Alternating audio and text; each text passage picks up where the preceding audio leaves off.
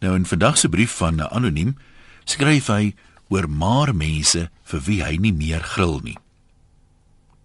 Ek het altyd gegril vir maar mense.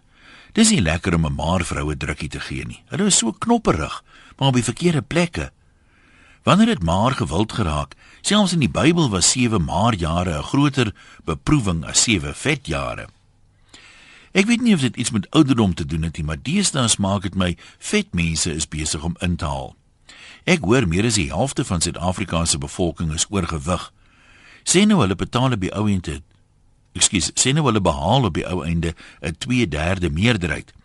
Sal hulle dan die grondwet van fatsoenlike gewig eensydig kan wysig sodat vet wees dan die norm word en maar mense as minderheid minder gedruk word?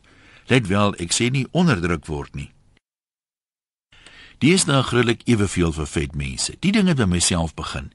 Ek is nie die tipe ou wat gereeld in 'n spieël kyk nie. Is nie eintlik by gelowig is nie, maar ondervinding het my al geleer dat dit moeilik is om op grond van my voorkoms te onderskei wanneer ek 'n geruime tyd voor die spieël deurgebring het met goeder soos hare kam en neushare uittrek en wanneer nie. Al lyk ek op my beste, lyk dit eintlik maar ewe sleg.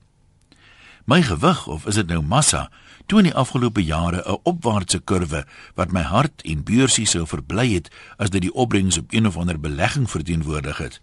Maar die grafiek spike nie so op en af soos een van aandele prestasies nie. Nee, hy loop sonder huiwering opwaarts soos 'n Boeing wat opstyg.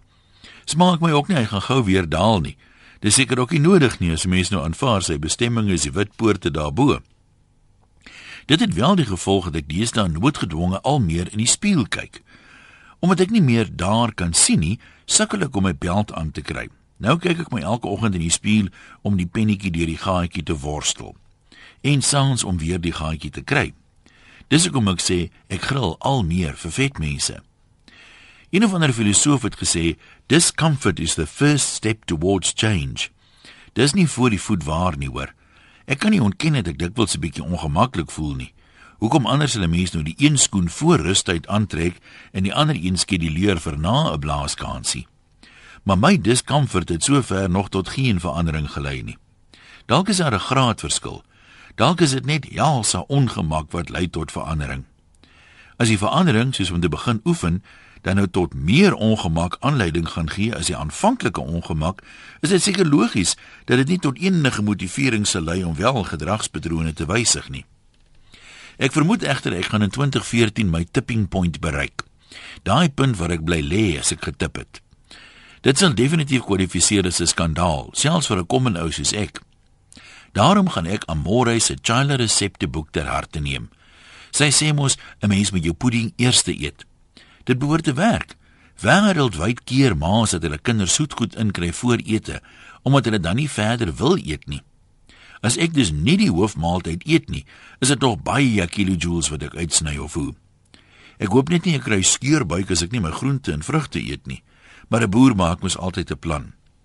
Ek sal maar gereeld wortelkoek en blueberry muffins by my voorgereg insluit. 2014 gaan 'n vet jaar wees. Gryp hom aan sy love handles en gee hom 'n drukkie. Groete van pensies tot boutjies. Anoniem.